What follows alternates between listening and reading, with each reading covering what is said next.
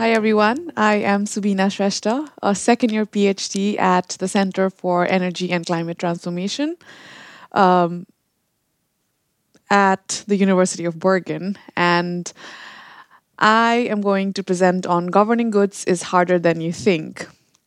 So, in the next about 35 minutes or so, uh, I will have told you everything that I know about urban logistics a little bit of what I know about sustainable urban logistics, the challenges that it uh, it has, and then we'll focus on what's happening in Norway, and then really zoom in on what's happening in the case of Bergen. Um, and for that, I will present the preliminary findings from a workshop that we conducted uh, in October of last year, and then we sort of conclude with key takeaways. So, I will be talking about urban logistics on and on and on in the next 35 minutes. It's only fair that I tell you what urban logistics is. So, welcome to Urban Logistics 101. The academic definition that I use of urban logistics is that it's the process of optimizing goods and services transport in urban areas whilst taking into consideration traffic congestion, energy consumption, and market economy. This is quite academic, I know. But what I want you to bear in mind is, is that it's not just goods transport, it's goods and services transport. So when we talk about goods transport, the most obvious things are our grocery deliveries, our takeaways, our deliveries that we have at uh, our doorsteps. But services such as cleaning services, plumbing services, waste collection, that's a service. Construction business, that's a service. So goods and services, all of this in totality comprises of urban logistics. Um, in very simple terms, urban logistics is the transport of, again, goods and services from within, through, and out of cities. And it can look like various things. It can look like these deliveries from Postens, I call them very cute vehicles, uh, deliveries through vans, deliveries through cargo bikes, not very prominent in Bergen, but happening elsewhere in the world. Or delivery through trucks, such as ASKO's trucks, and then it might not involve any vehicle at all and instead require a person to physically go to a collection center or a parcel box, like shown in this slide. So, urban logistics can look like various things, and on our day to day, we have actually engaged with urban logistics. Um, before I go further into urban logistics, let me take this glorious moment to tell you a little bit about myself just because I can. So I started my undergrad in environmental science uh, with an emphasis on water quality. So I was a lab rat. After that, I did my master's in climate change and sustainable development with a specialization in climate change policy. So it was any and everything that could be connected to climate change policy. So it was very broad. And now I am a PhD candidate at the CityFreight Project. I'll come back to this later um, working on sustainable urban logistics. Now, between my master's and my PhD, I worked as a researcher in many, many cool things energy transition, energy policy, watershed management, climate finance. But the point I'm trying to make is nowhere on the screen do you see urban logistics. And this brings me to a confession. Before I started my PhD, the only time I would think about urban logistics is when it caused me inconvenience. So if I had a delivery and then it got delayed, or I wasn't home to get it and it absolutely required that I be home, or it got cancelled. Or the worst of it, if I went to the grocery store to buy one particular thing and just that thing was missing from the shelves just because delivery for that day hadn't happened. So it would really inconvenience me. I would think about it, be annoyed, perhaps even mad about it for a minute or two, but then get on with my life. And the reason I'm telling you this is this is probably how we think about urban logistics, only when it inconveniences us. Because urban logistics is seamless, it's efficient, it's, it's there so that our lives are easier. And we don't really tend to think about urban logistics. With this presentation, I hope that we start thinking about urban logistics because it's not as invisible as we think. It's very much out there and it's very, very important. So, after this quick little detour about myself, I have a question for you guys. What is the first thing that you think of when someone says urban logistics or just logistics in general? So, just to make sure that you actually are familiar with urban logistics and home deliveries, globally speaking, some of the most prominent logistic brands are Amazon, DHL, Alibaba. This is a Chinese company, very prominent in uh, China and Southeast Asia. UPS, I think this is more American. FedEx. If these haven't convinced you enough that you are familiar with urban logistics, let's get to Scandinavian logistics. Post and Bring, anyone? PostNord, DB Schenker, and Helthjem. I've been in Norway for about two years, and I have had my fair share of deliveries from Posten. So I'm assuming you guys have as well. Which is to say, we do interact with urban logistics quite a lot. It's just that we tend not to think about it. I have a couple of questions, so you have to answer. I'm, I'm a little bit of an annoying presenter like that. So, guess where this location is?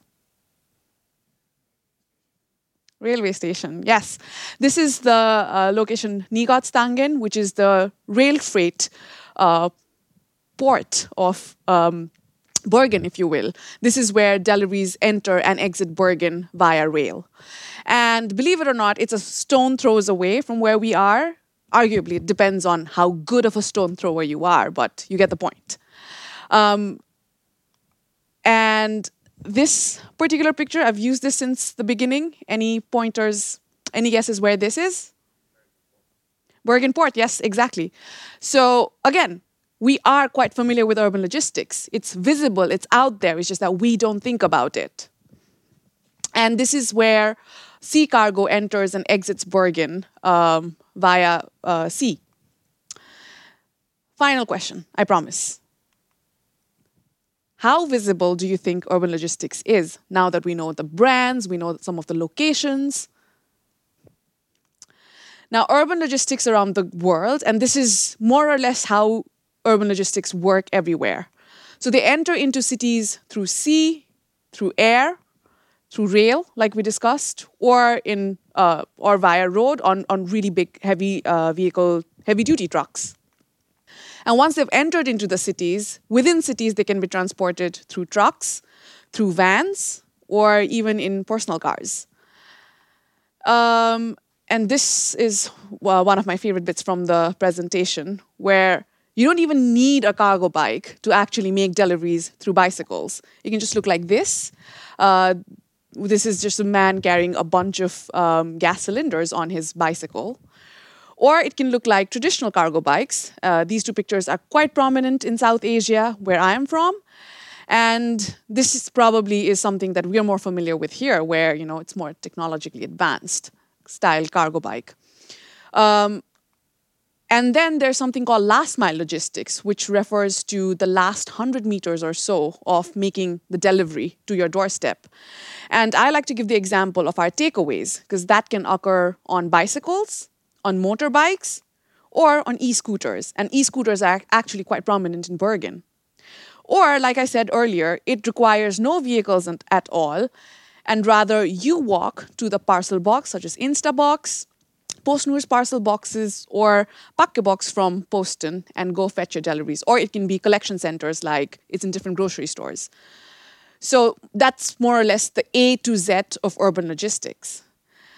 So when I ask you again, how visible is urban logistics? The answer is it's quite visible. It is very much there. We engage with it almost on a day to day basis. Now, time to make things a little bit complicated just because the title of this talk is Governing Urban Logistics is Harder Than You Think. So let's add sustainability to urban logistics. And what I mean by sustainability is in the context of sustainable cities. So, what is a sustainable city? It can mean many, many things. It could mean healthy city. It could mean an eco-friendly city that really centers around environment. It could also mean smart city, like the city of Stavanger that wants to be smart and sustainable at the same time. Or it could mean a 15 minute city of Bergen, which really is, you know, compact, dense, focuses on active mobility and promotes the active lifestyle. So all of these definitions um, are tied with what constitutes a sustainable city. And when we think about urban logistics, it has to fit into this definition of a sustainable city. And that's where things start getting complicated. A bigger question then is how can we make sustain how can we make urban logistics sustainable to fit into different definitions of sustainable city? So why do we require urban logistics to be sustainable? I told you that waste collection comprise is is uh, uh, is urban logistics. We often tend to take it for granted. Cities are here, waste is being collection, uh, waste is being collected, and that's how it goes. But if that particular service were to be disrupted, then the entire city becomes a dumping site in itself. And this was very evident in the case of the city of Edinburgh during August of last year, where there was a waste bin strike. And so, urban logistics, it actually, we cannot take it for granted. Urban logistics is therefore very important for functioning of cities, but it's also important for the livability of cities, especially when we're talking about healthy livable cities. Why? It can contribute to traffic congestion, and surely that's not a kind of city that we want to live in. But at the same time, it also contributes to ambient air pollution. So, a lot of the noxious air pollutants that's in the air, essentially making the air not breathable. Urban logistics can contribute to that depending on the type of fuel that's used in different vehicles. And thirdly, from an environmental perspective, urban logistics contributes a lot to um, greenhouse gas emissions. So when we're thinking about cities and them being sustainable from a climate neutral or a carbon neutral perspective, then the ways in which urban logistics operate right now, it needs to change. And it needs to change quite fast. And you thought that was the end of the problem, but that's not all. From a research perspective, a lot of the research that has been conducted has been focused on passenger mobility. So, how to get people from point A to point B, as opposed to goods and services.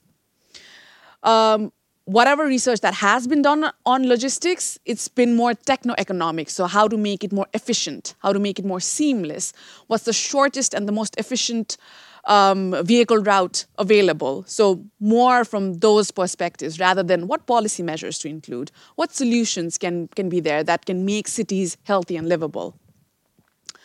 Um, so, from that policy and solutions perspective, the kind of research that has been done has been focused on megacities, so really big cities like New York, London, so on and so forth. And Norwegian cities, fortunately or unfortunately, are nothing like megacities. So the solutions that are introduced there, we can't just copy paste them here. And finally, this sector is undergoing immense, immense changes in terms of technological trends.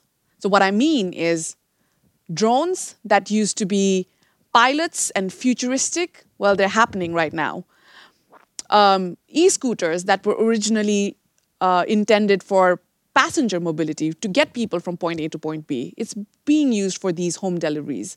So the lines are getting blurred. Where does passenger mobility end and uh, urban logistics begin? Then there's something called dark stores. Foodora has a dark store in Bergen, if you have noticed. And this is becoming really contentious in the case of Europe, where Barcelona had to ban dark stores. So, with all these new trends and evolutions occurring, are we even prepared from a policy perspective to govern urban logistics. Dark stores didn't exist before. How do we regulate dark stores? Um, e mobility, that was more from a passenger uh, perspective. How do we how do we regulate it when we think about urban logistics as well? So these are the questions that planners have to deal with. From a policymaking perspective, given how fundamental urban logistics is to functioning of cities, one would think that urban logistics is really important for urban planning. Not the case. At the EU level, there was a call to action on urban logistics in the year 2013. So 10 years ago, just 10 years ago, was it realized that urban logistics is in fact integral for urban planning. And then they decided that yes, local authorities' role for urban logistics is also quite central. Following this, uh, the Norwegian National Transport Plan, both the one before this and the new one, 2022 to 2033, it has a few sentences that's dedicated to urban logistics, bylogistikk. And when we talk about Bergen, um, For transport and mobility, it has got a fossil free transport goal, and this also applies to um, urban logistics. So, zero emission logistics, that's a prominent goal in Bergen's green strategy. And so, how to make urban logistics zero emission fit within Bergen's climate neutrality goal, these are some of the things that policymakers have to think about.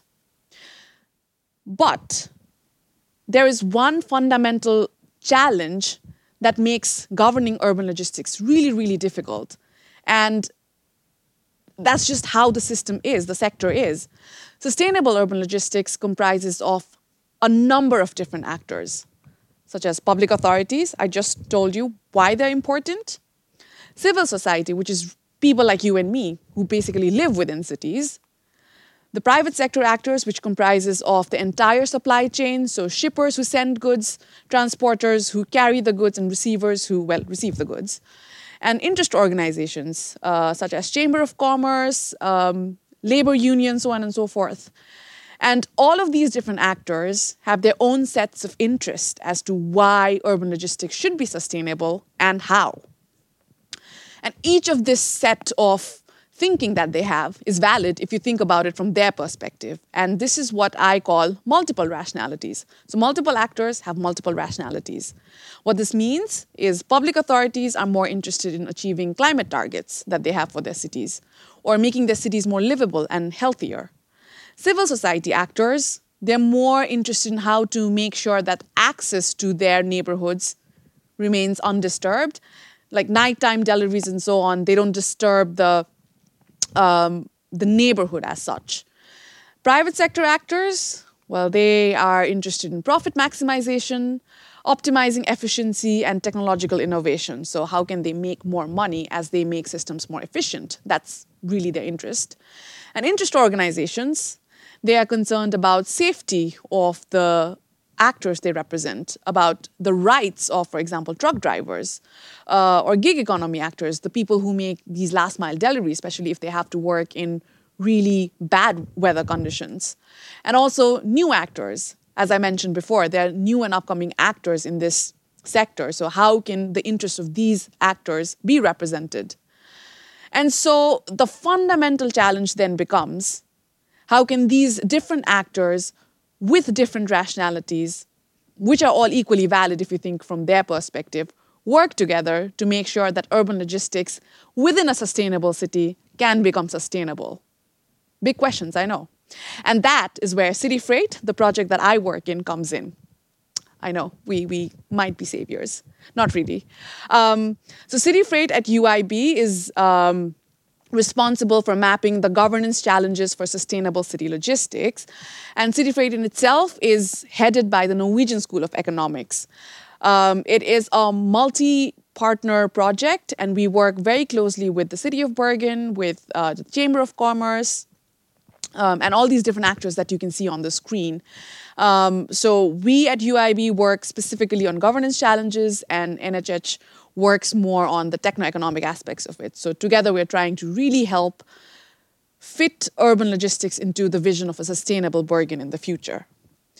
And what we did from UIB was organize this workshop in October of last year um, Forgive me if I'm butchering this pronunciation, but it's called From Framtidens bylogistikk i Bergen. My Norwegian is not that good, which roughly translates to Future of Urban Logistics in Bergen. And what the approach was, we brought in these different stakeholders who just a few moments ago you saw had competing interests. So we brought them together and we just make, made them have awkward conversations. So what this resulted in was first a lot of conflicts, a lot of tensions, like no, my perspective is correct because I've been in sector for quite long. Um, but then we also facilitated these awkward conversations. And after that, we established common vision. So, how, despite these differences, can we find commonalities? Can there, can there be a compromise? Can we reach a mutual compromise? So, this was kind of a setting of the workshop. And what I'm presenting are preliminary findings from the workshop because it's still a work in progress. We haven't uh, completely finished it yet, uh, because, and that's because we're conducting interviews. So, in the first step, we identified the conflicts. Uh, the first one is urban logistics is not adequately integrated into urban planning. And this is not a new result, given only in 2013 was it realized that urban logistics is quite fundamental to um, urban planning. So in the city of Bergen, urban logistics is actually thought of as an add-on. So you make the plans, you introduce the measures, you kind of think where the city wants to be, and urban logistics has to fit in that mold. So it's not it's not really thought of as um, as a process that needs to be a part of urban planning. Second was inclusivity. Uh, earlier, I discussed there are a lot of different actors, and who gets a seat at the table when we're discussing these problems and these solutions really matters. Because only those actors who can, in fact, voice their opinions can work towards solutions. So if it's not an inclusive process, well, then the solutions don't become inclusive. Third is compatibility. So when we talk about these solutions or measures that the cities has uh, the city has introduced, is it actually compatible? Um, and one thing that keeps coming up in our discussions is when we think about restaurants and grocery stores operating in the same locality. So, if there are time windows for deliveries, for example, it has to be done by 9 a.m. or 10 a.m., it might work really well for a grocery store because it opens at 6 a.m. But a restaurant, that's going to open, say, at 2 p.m. So, how does having a delivery at 9 a.m. realistically work for the restaurant? So, it's not a compatible solution. Um, and finally, feasibility. And this is also something that comes up a lot. There are several parking restrictions, uh, access regulations for um, urban logistics. But in order to comply by these, there also needs to be parking spaces available. Where do trucks park if they need to make a delivery, but there is no parking space available? How does, how does that work? Uh, there's a lot of discussion going on about moving the harbor from Dokken uh, to elsewhere. But how to do that in a manner that's economically feasible, that does not put everybody who is operating there at an economic loss. So these were some of the conflicts that came up. And then we had facilitated dialogues, and right now we're conducting, by we, I mean um, me and my colleague Raphael, uh, we're conducting follow up interviews. And based on these, we have sort of established some commonalities despite the differences. So the first one is everybody agrees that there is a need to collaborate and co design policy packages. So when we think about introducing solutions, introducing policies and measures, how can we collaborate? How can we instigate collaboration amongst these different actors? And this would answer the uh, questions of inclusivity as well as compatibility. Next is this is this can be very contentious. Political anchorage for logistics plan. Like I said before, urban logistics is not really integrated into urban planning. And a lot of this has to do with how much political will there is to make sure that urban logistics is, in fact, a big portion of urban plans. In Bergen, a lot of discussions are centered around passenger transport. Um, Bibana, anyone? um, and not so much about urban logistics per se. So that kind of has to change if you want to think about making urban logistics more sustainable. Third is a forum um, where all these different actors can come together and continue to have these uncomfortable talks, to continue to have these dialogues and deliberations so that they can think about solutions. Our workshop was an initial step to this kind of a forum, but how to make it more institutionalized so that you know these meetings can happen often um, and and uh, can can be done in a more institutional manner. That's something that uh, was a common theme. And finally, um, the need to look at urban logistics from a public space con- uh, public space concept. What's happening right now is we think about urban logistics as a sector, but at the end of the day, the city of Bergen only has so much space that can be utilized for green areas, for houses, for walking, for bicycles, for cars, buses, or for cargo bikes, for trucks, so on and so forth. All of this hap- needs to happen within a limited area, a limited space. So, how do we allocate space? who do we allocate space to? That's the kind of holistic thinking that's required so that urban logistics can actually be integrated into urban plans. So, what next? Yes, we all have a common understanding that it is really important to embed logistics into Bergen's urban planning, probably develop a plan. But what is the plan going to look like? Is it going to be a strategic plan? Is it going to be just a guideline saying what things can be encouraged? We don't know that yet. Who is going to make this plan? Probably Bergen municipality, but who within the municipality? Is it going to be the planning department? Is it going to be the environmental department, the climate department? Um, the collaboration amongst these three, or we don't know who is actually going to uh, make this plan and how is this plan going to be made is it going to be made by the municipality and then sent out for public hearing is it going to have a lot of feedback from different uh, stakeholders is it going to have a lot of stakeholder input from the beginning we really don't know these questions so, yes, CityFreight is working hard to answer these questions. We sort of are headed in the right direction, but we still have a lot of open questions that we haven't found the answers to yet. Uh, but we're working on it. Key takeaways this is the last slide. Um, we have a running joke at CET where I work that if you're a good researcher, you can wrap things up neatly in points of three. And I think I'd like to think that I'm a good researcher, so please humor me as I give you three key takeaways from my talk. Is goods transport invisible? Not really. On the contrary, it's very, very visible if we spare a minute or two to look at it and think about it.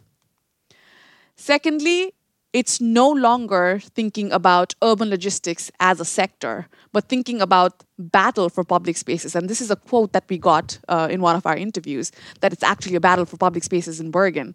Um, so, who gets priority over the space allocation? Is it going to be passenger transport? Is it going to be uh, houses? Is it going to be green spaces or is it going to be urban logistics? That's something that really needs to uh, sink in when we think about urban planning. And finally, the title of my talk. I hope that I have convinced you governing urban logistics is much, much harder than you think. So, the next time that you get your delivery within one or two days of ordering at your doorstep, Perhaps you'd like to reflect on all the complex processes that went behind it to ensure that your delivery was oh so seamless and efficient. Thank you.